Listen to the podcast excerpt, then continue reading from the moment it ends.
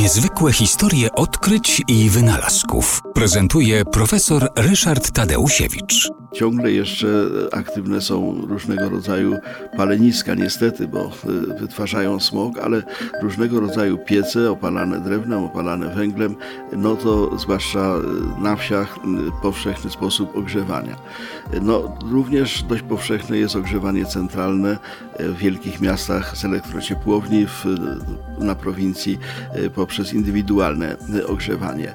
Natomiast najbardziej praktyczne, chociaż nie tanie, jest ogrzewanie elektryczne, to znaczy różnego rodzaju grzejniki, które e, czerpiąc energię w postaci prądu elektrycznego, e, no, wytwarzają miłe ciepło, e, są łatwe do regulacji, łatwe do zaprogramowania, na przykład, żeby się włączały tylko na określony okres czasu.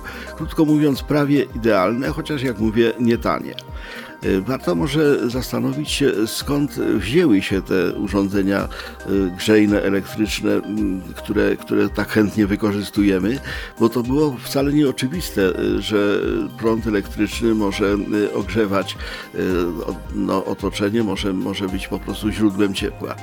Otóż człowiekiem, który odkrył, że przepływający prąd może dostarczać ciepła, był James Joule, który w 1841 roku przeprowadził serię serię doświadczeń i wykazał, że wielkość ciepła, która wydziela się na różnego rodzaju przewodnikach, przez które płynie prąd, jest zależna od oporu tego przewodnika.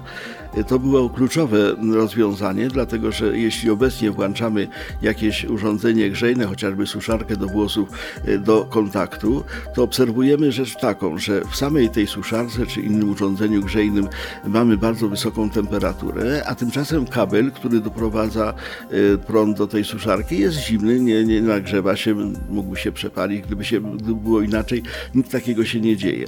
To jest właśnie dzięki temu, co odkrył Joule, że tam, gdzie e, prąd napotyka duży opór, e, przezwyciężanie tego oporu powoduje wydzielanie dużych ilości ciepła.